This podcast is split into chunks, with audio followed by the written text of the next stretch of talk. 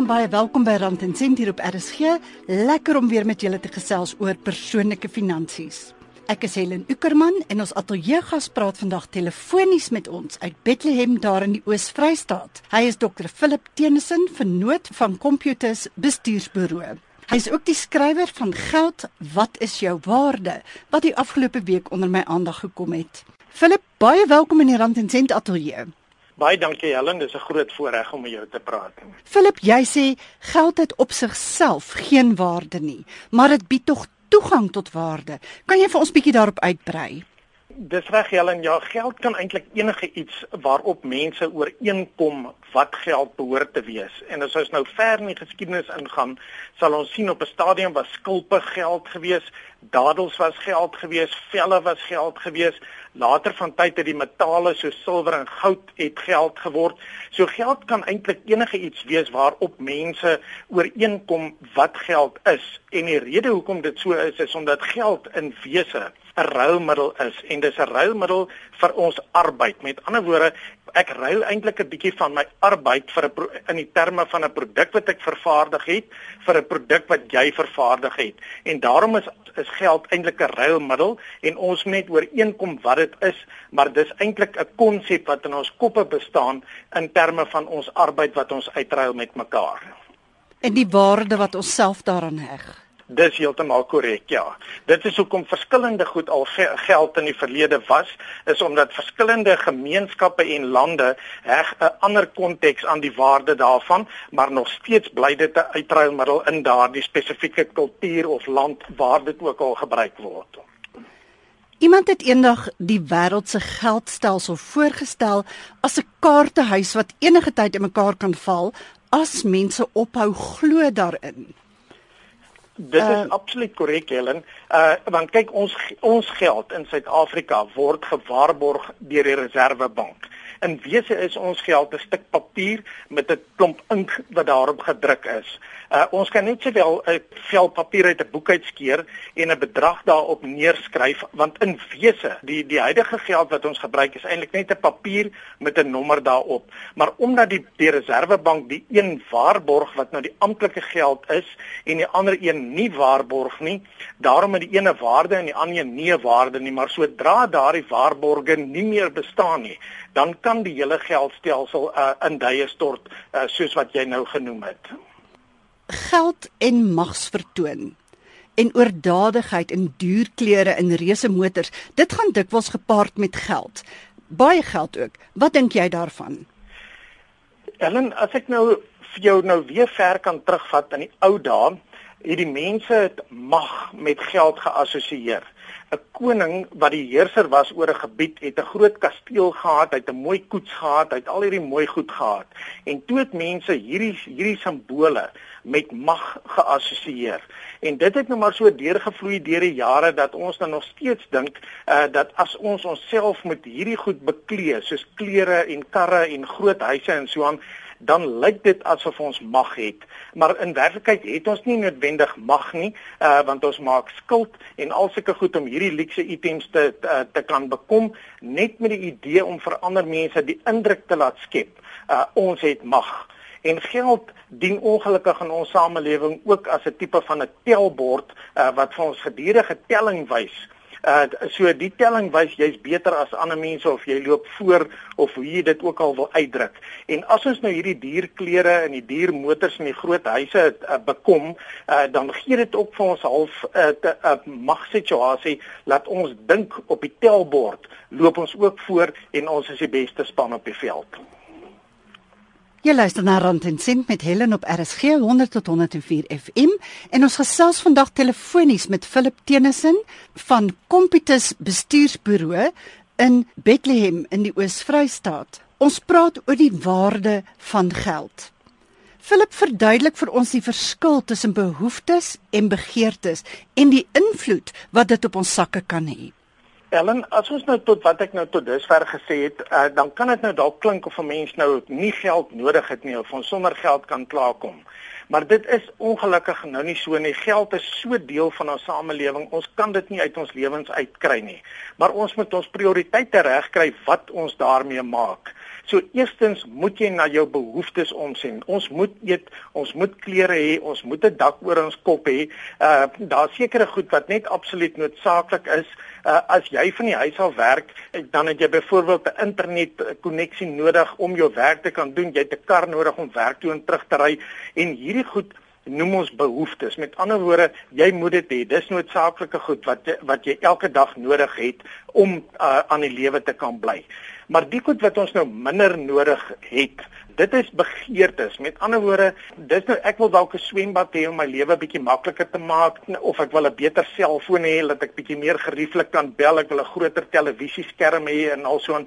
Dan is dit nie meer behoeftes nie, dan raak dit nou 'n begeerte. Nou weer eens is daar nou nie noodwendig fout om sulke dinge te begeer nie, maar weer eens moet ons kyk na ons prioriteite want as ons nou hierdie begeertes as dit 'n obsessie begin raak en dit begin die oorhand oor ons kry, dan slaan hierdie begeertes om in gierigheid in. En as ons nou gierig begin raak, dan ontwikkel ons nou 'n obsessie om hierdie mooi goeders wat eintlik 'n begeerte is en dat ons nie regtig nodig het in ons lewens nie te bekom. Jy praat nou eintlik van die verskil behoeftes en begeertes, dit wat ek moet hê en dit wat ek graag wil hê. Dis heeltemal korrek so. En daar is nou mense wat beweer, ek het nou gepraat van prioriteite en hoe jy hierdie goed moet prioritiseer in jou lewe.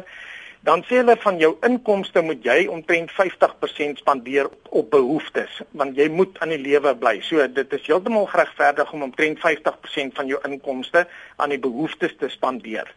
Nou daar soos wat ek gesê, daar's nie fout met begeertes nie, maar volgens die geleerde mense reken hulle jy moet so 30% op hierdie begeertes spandeer en dan die oorblywende 20% dit is ons veronderstel om te spaar en daai spare is eintlik vir ons 'n uitstel dat ons vorentoe dalk aan ons behoeftes kan voldoen of aan ons begeertes kan voldoen wanneer ons nie meer 'n inkomste het nie.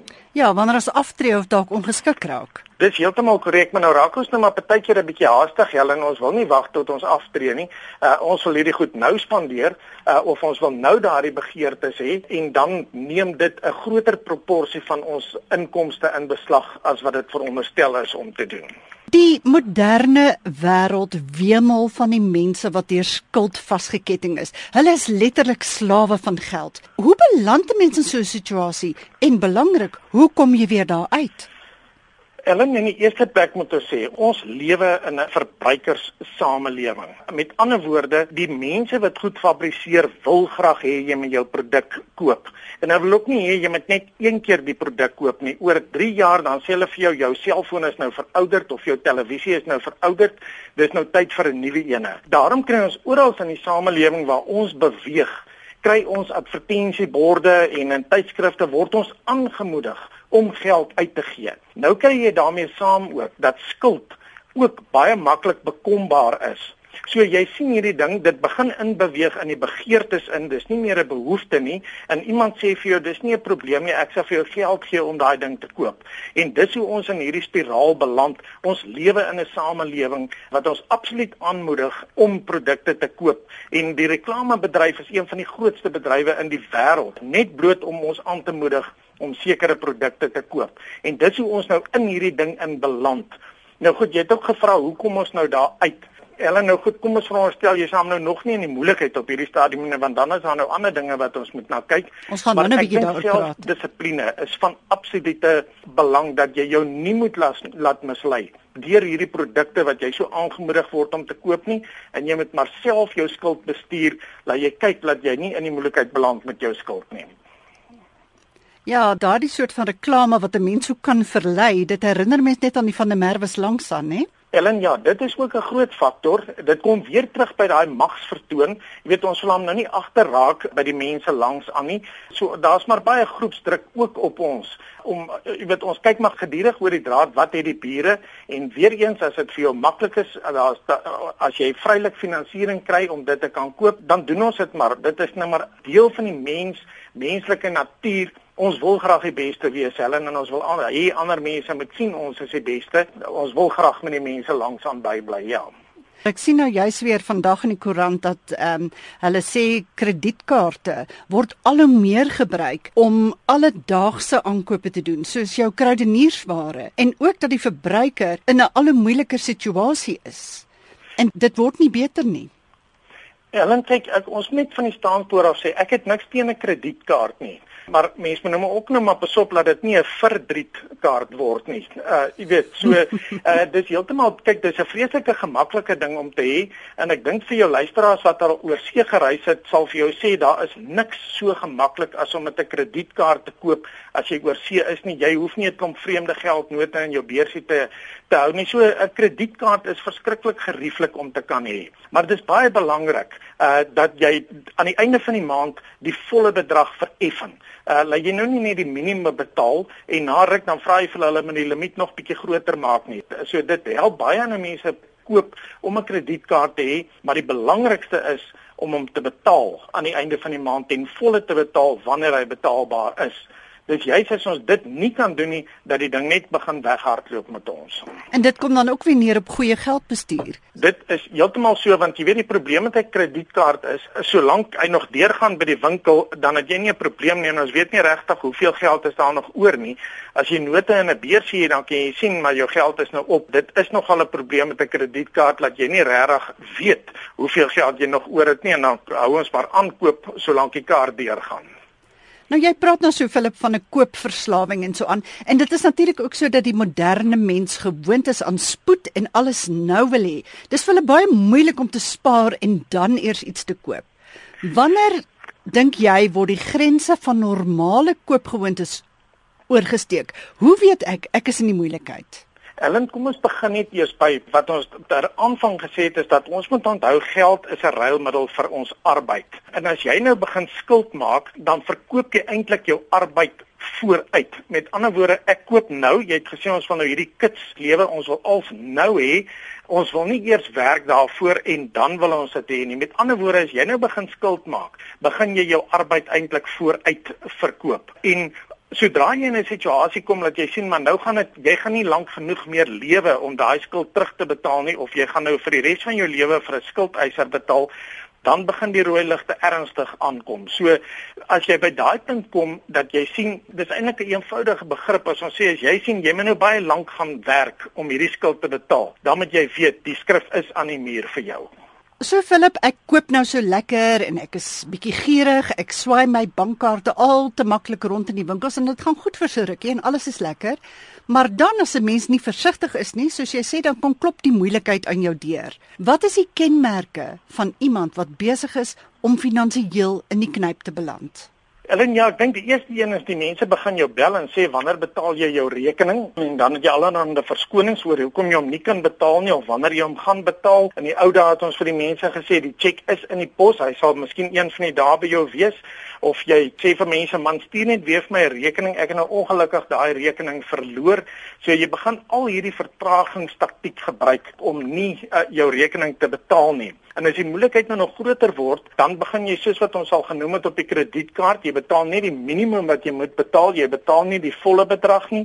As jy hier koop het, dan gaan jy bank toe en jy vra vir hulle of hulle nie die termyn weer langer kan maak dat jy nou jou paemente kan kleiner maak nie. Jy begin by vriende geld leen om jou kredietkaart te betaal. Uh so al hierdie goed begin agterstallig raak. Jy begin dalk nou van jou losbates goed uit die hand uit verkoop en as jy hierdie tipe van goed begin doen uh om soort van bietjie jou skuld terugbetaling te vertraag, dan moet jy weet die skrif is nou ernstig aan die muur vir jou. Jy's by Rand en Sent met Helen op RSG. Ons ateljeegas is Philip Tennyson, dokter Philip Tennyson van Bethlehem in die Vrystaat en hy is die eienaar van Computus Bestuursbureau daar. Jong, Philip, die situasie wat jy nou beskryf, klink vir my erg na tandeknars. Nou sê jy, okay, jy moet net maar so 'n bietjie begin terugbetaal en dalk ietsiekie verkoop, maar hoe kan 'n mens 'n goeie plan maak om uit so 'n stresvolle situasie uit te kom? Ellen, die beste instrument wat jy kan koop om nou hierdie situasie te beredder is 'n stuk papier en 'n potlood. Jy moet maar gaan sit en jy moet jou situasie neerskryf Want soos wat jy dit neerskryf, word jy gekonfronteer daarmee en jy sien wat werklik aan die gang is. So die heel belangrikste is is om jou posisie te gaan ontleed, om doodnet met 'n potlood en 'n papier te gaan sit en als gaan neerskryf wat die huidige situasie is, waar lê die kritiese skuld wat te hoog begin raak het en so moet jy nou net eers jou posisie nou neerskryf dat jy half nou gekonfronteer word daarmee. Maar nou sê jy nou dat ek nou sien maar op een bladsy as ek nou 'n boek oopmaak waar aan die kant skryf en dan sal ek aan die een kant al my inkomste neerskryf en aan die ander kant al my uitgawes. Dit is nou amper stap 2 wat jy dan nou doen as jy nou jou situasie neergeskryf het en daar's niks ook soos 'n goeie begroting om dan hierdie inkomste en uitgawes waarna jy verwys nou te ontleed en jy skryf aan die een kant die uitgawes en jy skryf aan die ander kant die inkomste en as daar te min inkomste en te veel uitgawes is dan moet jy nou begin kyk waar kan jy van die uitgawes ontslaa raak wat jy nie uh, regtig nodig het nie en of daar maniere is wat jy jou inkomste dan nou mee kan verhoog. En dan kom ons nou by wat die mense nou noem die SWOT analise waar jy jou sterkpunte ontleed en jou swakpunte ontleed en jou geleenthede ontleed en jou bedreigings ontleed en dan moet jy nou probeer om tussen hierdie te kan kyk of jy dan wel hierdie tekort aan inkomste of jy daai situasie kan beredder. En dan 'n volgende stap is om vir jou doelwitte te stel. Ellen, uh mens kan niks doen as jy nie vir jou 'n doelwit stel en sê ek wil my inkomste verhoog, ek wil my uitgawes verlaag, want anders bly dit net maar net 'n droom. Daar's 'n groot verskil tussen ek wens ek kan my my uitgawes minder maak en ek wens ek kan my inkomste verhoog teenoor ek wil my uitgawes verlaag en ek wil my inkomste verhoog moet 'n mens dan ook bietjie selfondersoek doen om te kyk hoe hoekom het ek so uh, diep in die skuld beland as dit die probleem is. Absoluut Helen want as ons nou weer terug gaan na daai magsposisie wat geld ons gee, dan is dit baie keer maar 'n kwessie van dat ons nou dalk nou goed onnodig gaan aankoop het omdat ons ander mense uh, wou beïndruk daarmee. En dan moet mens maar gaan selfondersoek doen en vir jouself sê ek kan nie die hele tyd oor die draad loer om te kyk wat doen die bure of die van 'n merwes langs aan soos jy sê nie. Ek moet na myself kyk en ek moet vir myself besluit wat is vir my belangrik in my lewe en wat is die doelwitte wat ek daaromtrent stel en hoe gaan ek daarbey uitkom. Philip, ons het nou voorheen bietjie gesels en jy het dan ook gepraat die ergste wat eintlik met jou kan gebeur is dat jy gesekwestreer word. Wat gebeur dan?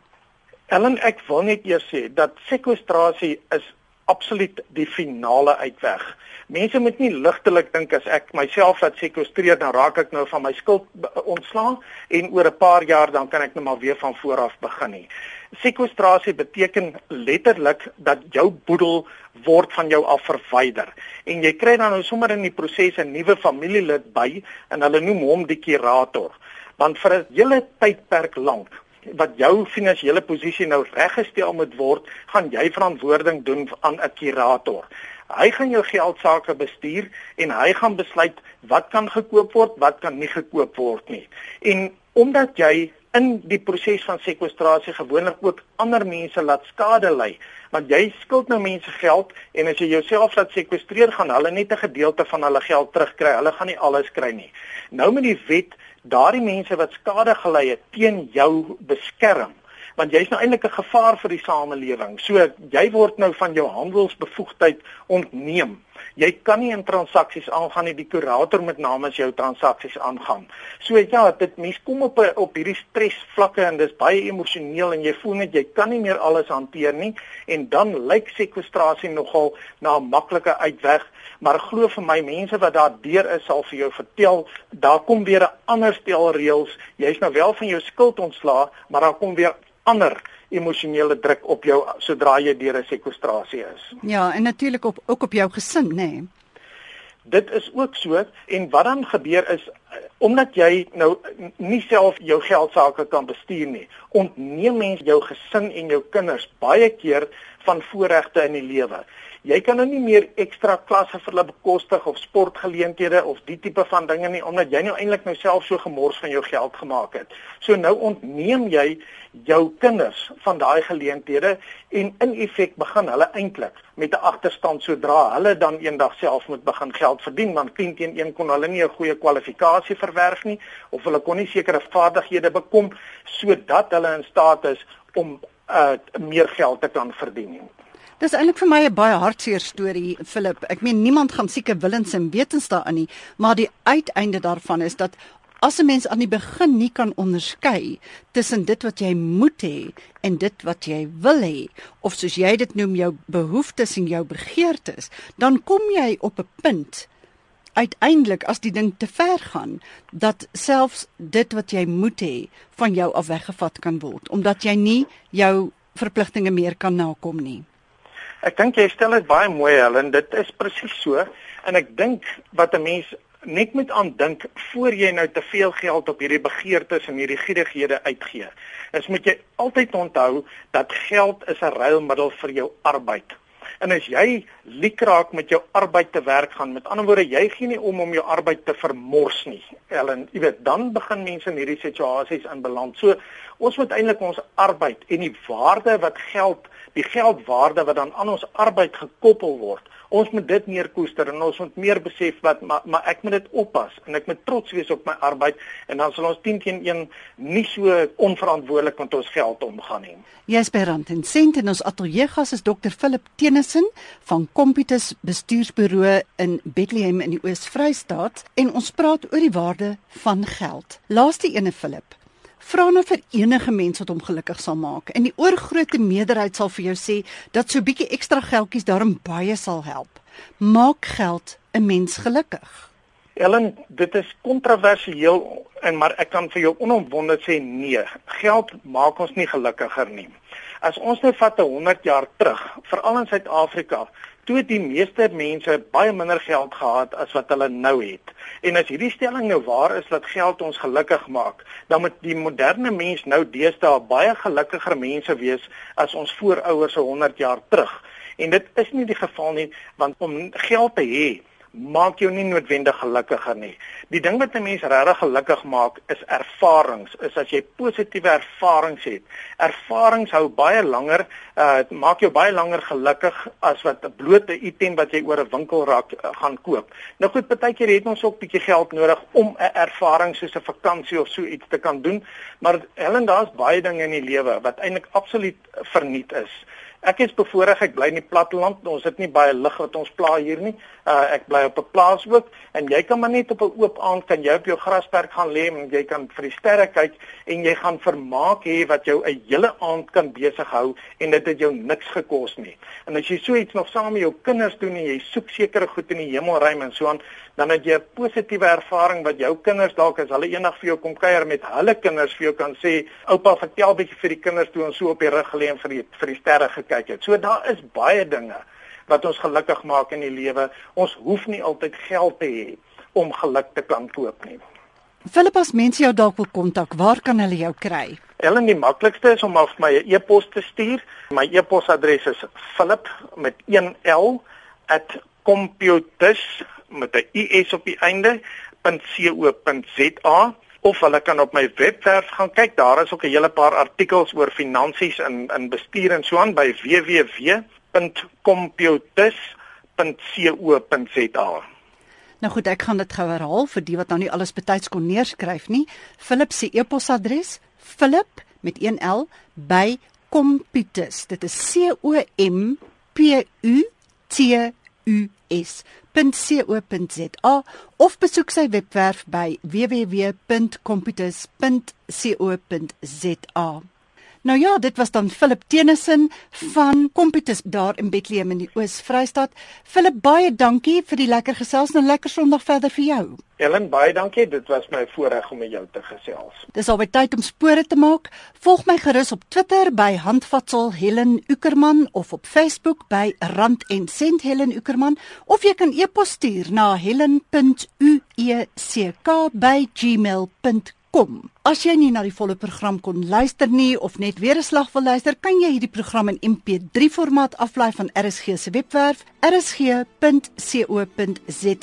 Dit is Helen wat groet. Ons praat weer volgende Sondag om 12:30.